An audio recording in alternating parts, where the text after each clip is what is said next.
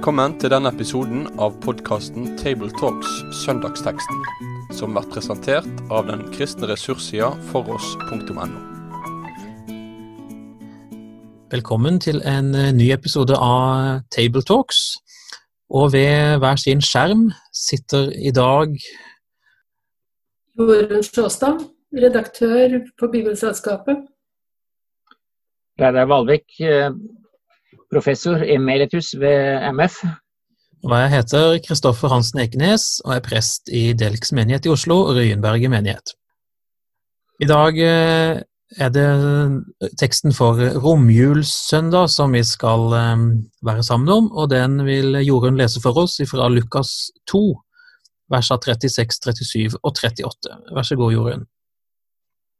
Det var en kvinne der som var profet, Anna, Fanuels datter, av Aschers stamme. Hun var langt oppe i årene.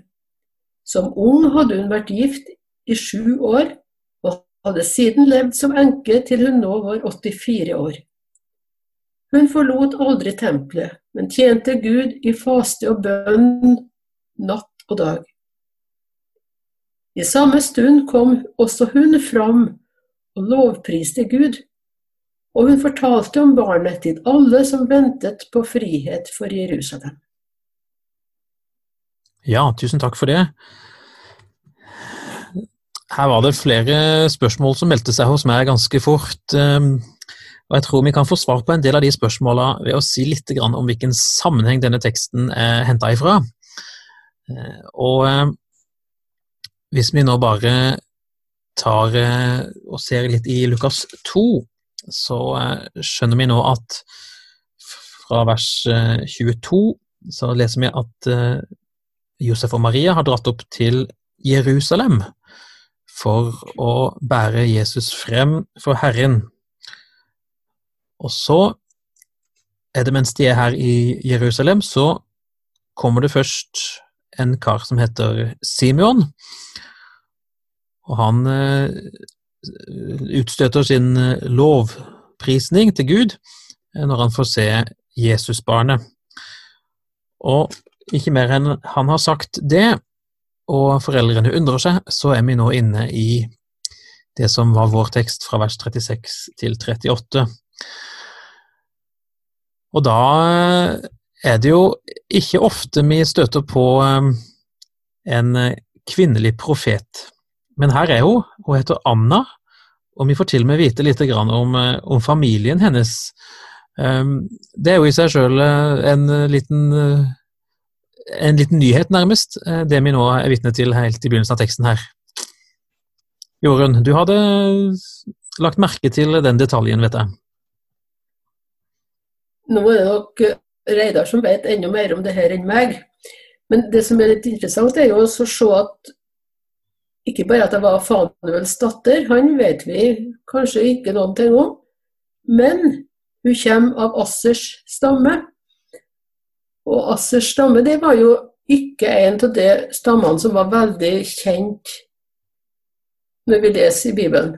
Jeg vet ikke om noen kan huske hvilket nummer i rekka Asher var av søskenflokken på tolv.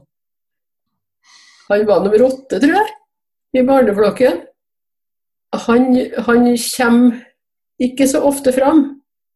Og så tenker jeg, det, Da er det litt fint å se det at her plutselig så er det noen i hans slekt som får bety noen ting, og som har, har levd et veldig spesielt liv. Ja, si litt om det. Nei, Hun har jo vært enke, da. Hun har vært gift i sju år. Antagelig har hun ikke fått barn. Men hun er blitt tjener i tempelet.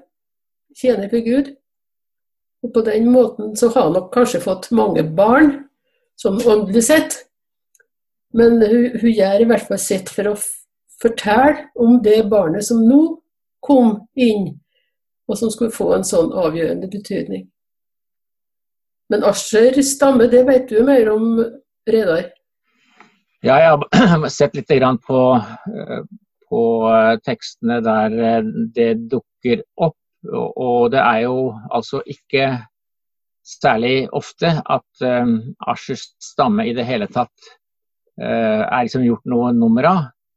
Men det er interessant å lese teksten fra første Mosebok 30 når uh, Asher blir født. Det er jo altså Leas slavekvinne, Silpa, som føder uh, en sønn til for i Jakobs hus. da. Og da, når, eh, når eh, denne gutten kommer, så står det at eh, Lea sier 'lykkelig er jeg, for kvinnene vil prise meg lykkelig'. Så kalte hun ham Asher, står det i første Mosebok 30. Og det er jo en litt interessant bemerkning i lys av Lukas 1 og 2. For i forbindelse med med at Maria kommer med sin lovsang, så eh, sier jo hun for han, altså Gud, har sett til sin tjenestekvinne i hennes fattigdom, og se, fra nå skal alle slekter prise meg salig. Så Det er faktisk en liten forbindelseslinje mellom eh, det som Asha, Asher, eh, det som sies om Asher, eller moren til Asher, og det som Maria sier.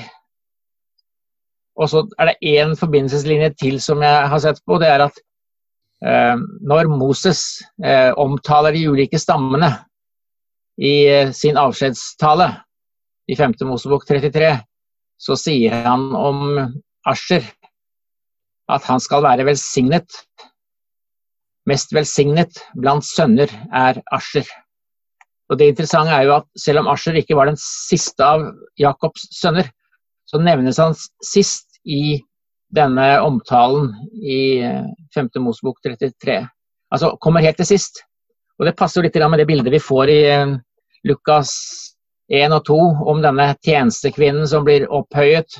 Og I Marias lovsang så heter det 'Han støtta herskere ned fra tronen og løftet opp de lave'. Det er, liksom noen, det er flere linjer her som uh, henger sammen. Det er jo interessant, eh, fordi at eh, hva slags scene er vi egentlig er vitne til her? Det er jo noen ganger nyttig og litt fint og, og, og, spennende å leve seg litt inn i og prøve å se det for seg. Vi er altså på Tempelplassen, eh, mest sannsynlig, eller i hvert fall i nærheten av tempelet. Og så kommer denne unge familien med sin relativt nyfødte. Jeg husker ikke hvor lenge denne renselsestida skulle vare, men det var i hvert fall var kanskje en måneds tid eller noe sånt. Og så befinner de seg nå i Jerusalem. Og så, når de da er der på tempelplassen, så kommer denne ganske gamle kvinna. Det står utheva at hun var langt oppe i åra. Eh, og så Ja, det er morsomt å prøve å se for seg hvordan hun går kledd, men sannsynligvis er det ingen prangende klesdrakt. Hun er en tjener for Gud som holder til i tempelet. Og så kommer hun òg frem, da, sammen med den ærverdige Simon som var omtalt like før og lovpriser Gud. Vi får ikke vite hva hun sier, men hun lovpriser Gud. Denne litt sånn outsideren, på en måte, i Israels uh, slektshierarki, om du vil, får lov til å vitne om dette barnet. Um, og det er jo ikke hva som helst hun skal vitne om, men det leste vi jo i det siste verset. Hun fortalte om barnet til alle som ventet på frihet for Jerusalem. Her er det jo et eller annet eh, spennende. Er det noen av dere som har eh, sett noe på hva slags frihet er det Anna her eh, vitner om? Kan man, man, kan i hvert fall merke seg at hvis man ser på ulike oversettelser, så er dette ordet frihet oversatt på ulike måter. I bibeloversettelsen fra 1978 så står det jo at alle som ventet på frelse for Jerusalem. Og i norsk bibel så står det 'ventet på forløsning eh, for Jerusalem'. Det betyr jo at dette ordet som brukes her, det, det går på litt ulike ting. Jeg syns kanskje frihet muligens gir en litt snever tanke om noe sånn politisk eh, og sosialt. Eh, for her er det helt klart at det er den messianske frelsestid som man venter på. Jeg har tenkt litt på det, og så har jeg slått opp litt i ordboka mi, og det er jo av og til morsomt, eh, og leser at eh, det ordet som er brukt i grunnteksten, lytrosin, Lytrosis, det går på frigivelse av slaver, og sikter ofte til den prisen som helt konkret skal betales. Eh, og med det som inngang, så er det naturlig for meg å tenke på eh, israelsfolket som slaver i Egypt. Eh, at vi her egentlig får se konturene av en sånn frelseshistorisk betydningsfull sak. At dette barnet skal bidra til en sånn utfrielse, eller ja, nettopp frelse, da, som egentlig matcher helt den da, da Moses førte folket ut av Egypt.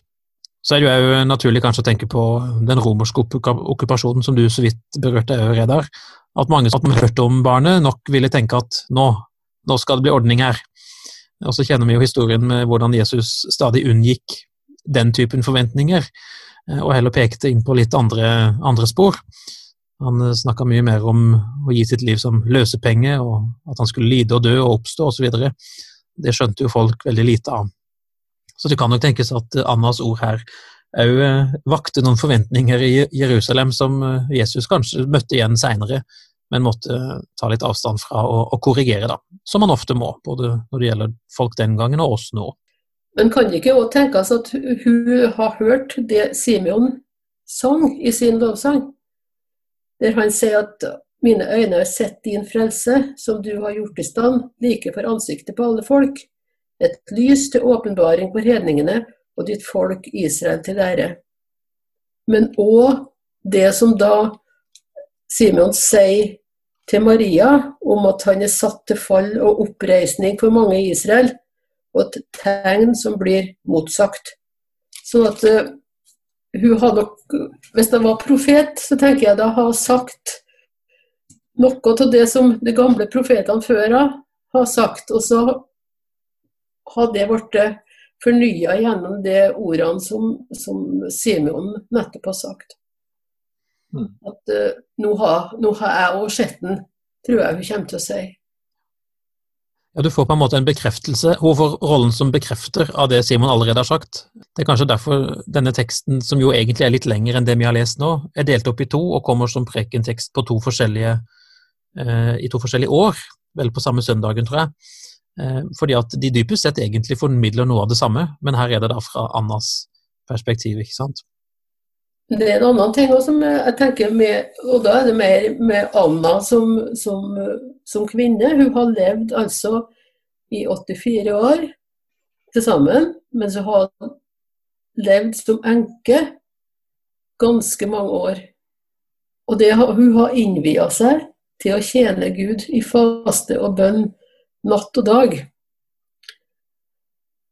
Eh, det er kanskje ikke helt stuereint å snakke om at eh, vi skal eh, innføre sølibat, eller ikke det, da, men, men en sånn avsondra tjeneste der en ikke har liksom noe annet liv enn det å tjene Gud. Men jeg tenker vi kan av og til ha godt til å påminne oss akkurat den nådegaven som det er å få lov til å tjene Gud dag og natt. Hun gjorde det i faste og bønn, men det finnes jo også andre måter å gjøre det på. Så jeg tenker den trufastheten som hun viser her, den avspeiler nå et håp som hun har hatt helt fra hun var ung, om at en dag så skulle han som de har venta på, komme, og hun skulle få lov til å være med og fortelle om han. Ja, det, det syns jeg gir god mening. Jeg tenker på igjen Simeon òg, som vi kunne ha hørt om like før. Der er det jo noe av det samme. Han, eh, der står det at ånden har latt ham få vite at han ikke skulle se døden før han hadde sett Herren salvede. Eh, så jeg tenker det er jo ikke for mye forlangt å tenke noe det samme om Anna. I alle fall hvis hun bodde i tempelet og levde der og, og ba mye. og Hun må ha vært godt kjent med både forventningene om en Messias og det ene og det andre. Og sikkert båret på en inderlig lengsel om at dette en dag skulle skje. Og så får hun se det. Hun får se selve han som det gjelder. Ja, du sier at hun bodde i tempelet. Altså, det reiser jo et sånt lite type spørsmål. Bodde det kvinner i tempelet? Eh, og da er det verdt å merke seg at hvis man leser eh, grunnteksten her, så skiller Lukas på to ulike eh, bruker to ulike ord når han snakker om tempelet. Hvis man går tilbake til kapittel 1 i Lukas 1 hvor det fortelles om Zakaria som var prest og tjenestegjorde i tempelet, da brukes det et gresk ord som da går på selve tempelhelligdommen, altså der som bare prestene hadde tilgang. Mens det eh, ordet som brukes her nå om, om Anna, det er et ord som brukes mer sånn generelt om hele tempelområdet, åpenbart. Eh, fordi kvinner hadde jo ikke engang adgang til den innerste forgården. Det var bare menn som hadde, så kvinnenes forgård var jo enda lenger ute. Så det er klart Hun har jo ikke bodd i liksom selve tempelet, sånn som vi har eh, vi kan ha sett på tegninger hvordan tempelet ser ut. Så vi må tenke at vi er altså i, i det ytre tempelområdet på et eller annet uh, måte. Og det hele tatt, jeg begynte å sjekke dette her. Kvinner i tempelet, hva, hva, finner vi om det? Nesten ingenting. Men i Det gamle testamentet så står det i forbindelse med byggingen av helligdommen i 2. Mosebok 38 om eh, en av disse håndverkerne som laget eh, bronsefatet til helligdommen. Og så står det at det var laget av speilene til kvinnene som gjorde tjeneste ved inngangen til tempelhelligdommen. Eller telthelligdommen, som det står der. Um, så der er det altså Den eneste gangen jeg har funnet der det omtales kvinner som gjør tjeneste i tempelet, det er én gang i 2. Mosebok 38.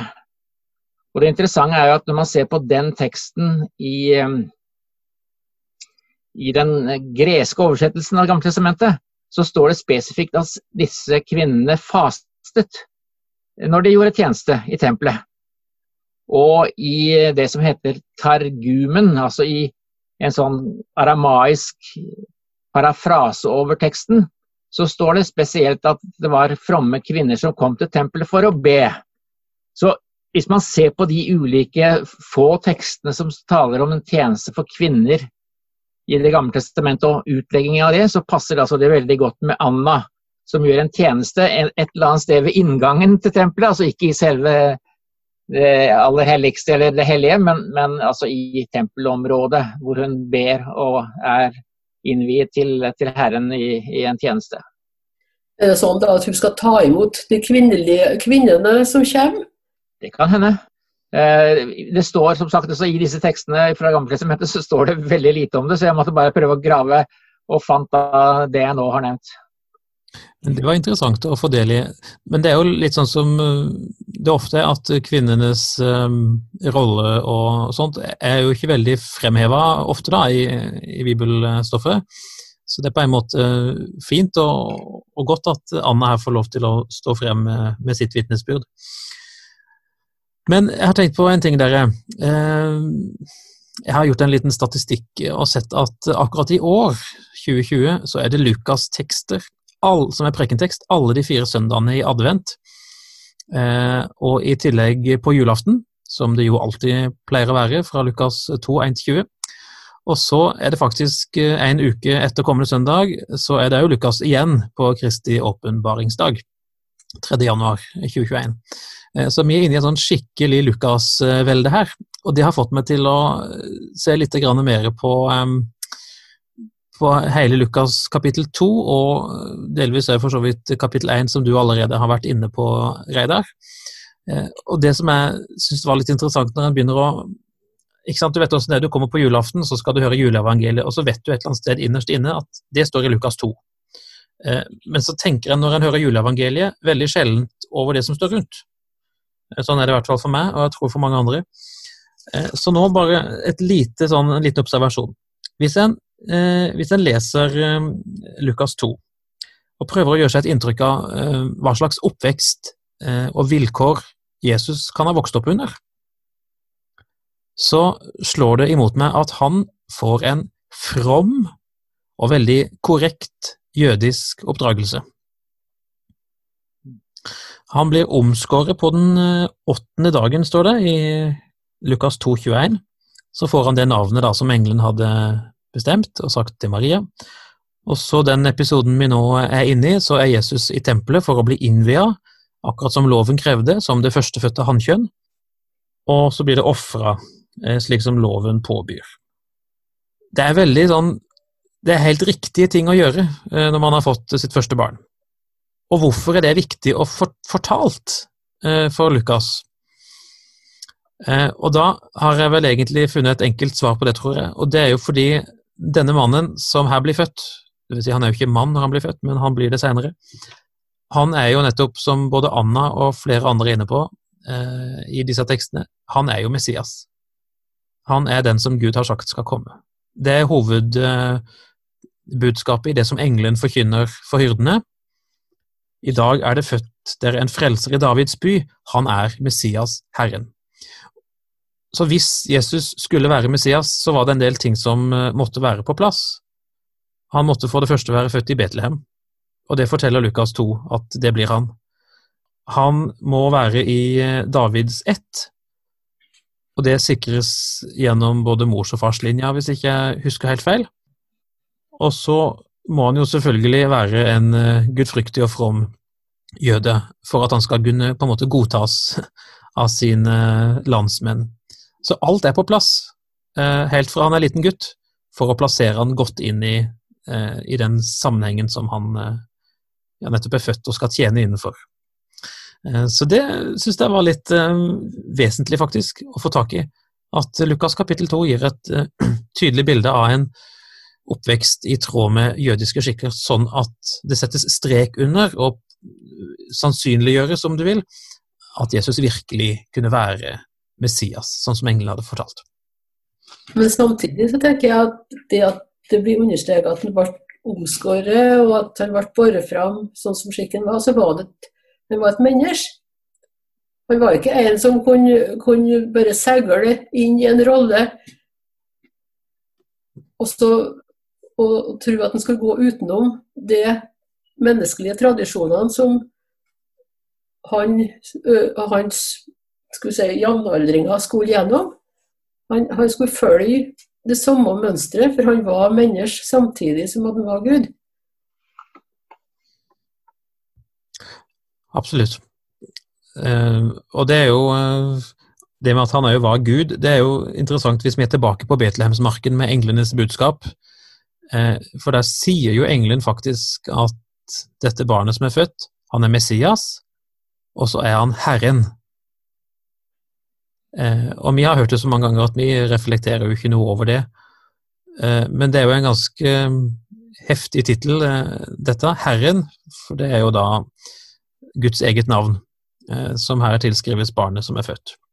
Det er ikke rart, for å si det sånn, at eh, gjeterne fikk fart på beina og kom seg inn til Betlehem for å se hva som var skjedd.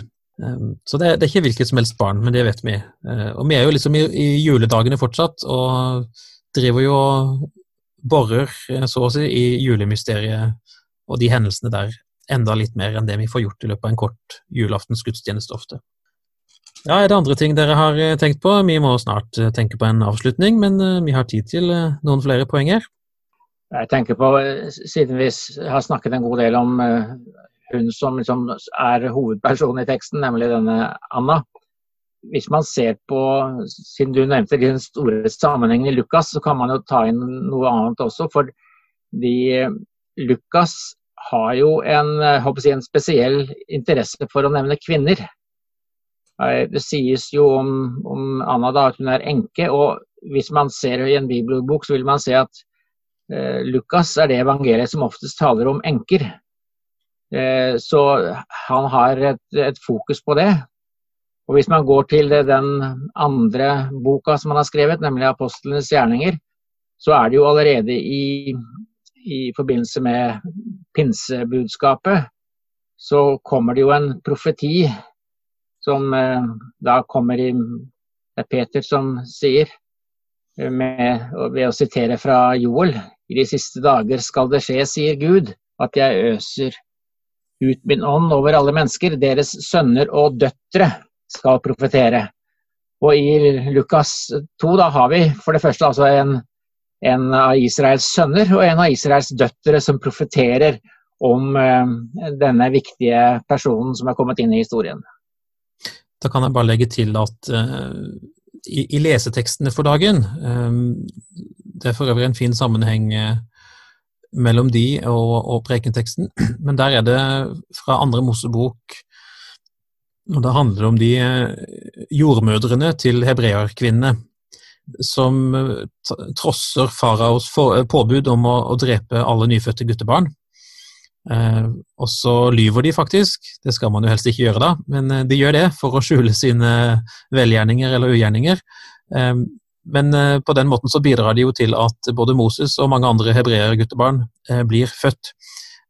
og de blir jo da velsigna av Gud for den gjerningen de har gjort mot hebreerkvinnene. Eh, og så er det en eh, tekst fra Apostelens gjerninger 7 som òg eh, griper tilbake til denne Moses-fortellinga i referatform, og som poengterer nøden som folket levde under den gangen. Og så hører vi jo da altså i prekenteksten om denne gutten som er født, for alle som venter på frihet for Jerusalem. Så det er en slags sånn, et, et sånn gjennomgående motiv av nød, forløsning, fangenskap, frihet i disse tre tekstene og er jo da sterke kvinner som eh, både er trofast eh, mot Gud og, og, tjener han på ulikt vis. Jordmødrene med å spare guttebarna, og Anna her da med å eh, forkynne og vitne om denne gutten. Eh, så det er jo fint å, ta et raskt blikk gjennom de tekstene. Hvis det var en av dere som skulle på Prekestolen romjulssøndag, hva tror dere ville vært eh, hovedfokus i, i den talen? Det vil jo være en utfordring ja. med en såpass, eh, såpass, spesiell tekst. Men jeg mener man kunne jo absolutt si noe om det som Jorunn snakket om innledningsvis, om, om, Anna som en sånn som gjorde en trofast tjeneste i, for Gud i sin, i sin bønn.